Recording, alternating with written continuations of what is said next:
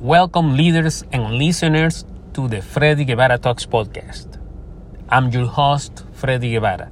Today, I have a powerful quote for you. This quote is from William L. Clinton, former president of United States of America.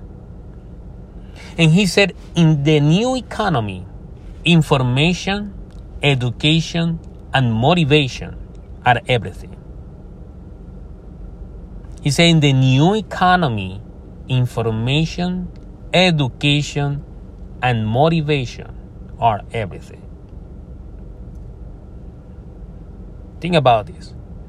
Information, we are overwhelmed, we are overflooded with information. There are thousands of sources of new information every day. There are thousands and thousands of pieces of information. But in order to discern that information, in order to find value from all that overwhelming information, we need education. Education gives us the tools to discern what is valuable or not from all the flood of information we have out there.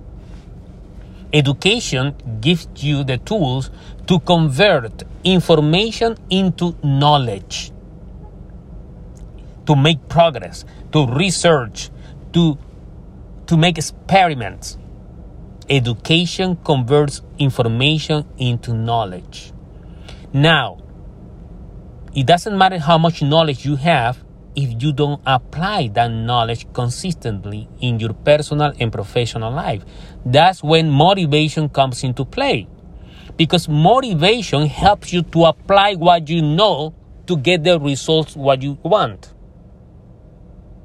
Motivation helps you to apply the knowledge, to apply what you know to achieve the goals you want. That's how these three variables come into play to succeed in this new economy information, education, and motivation. Information because just go to any search engine and you can find whatever you want. You can learn from from the online source whatever you want. But education will help you to find the value within all that sea of information. And motivation will help you to apply that knowledge so you can achieve your goals.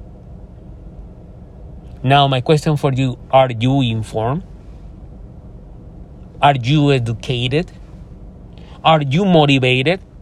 Because if you answer yes to all these three questions, you are a successful person.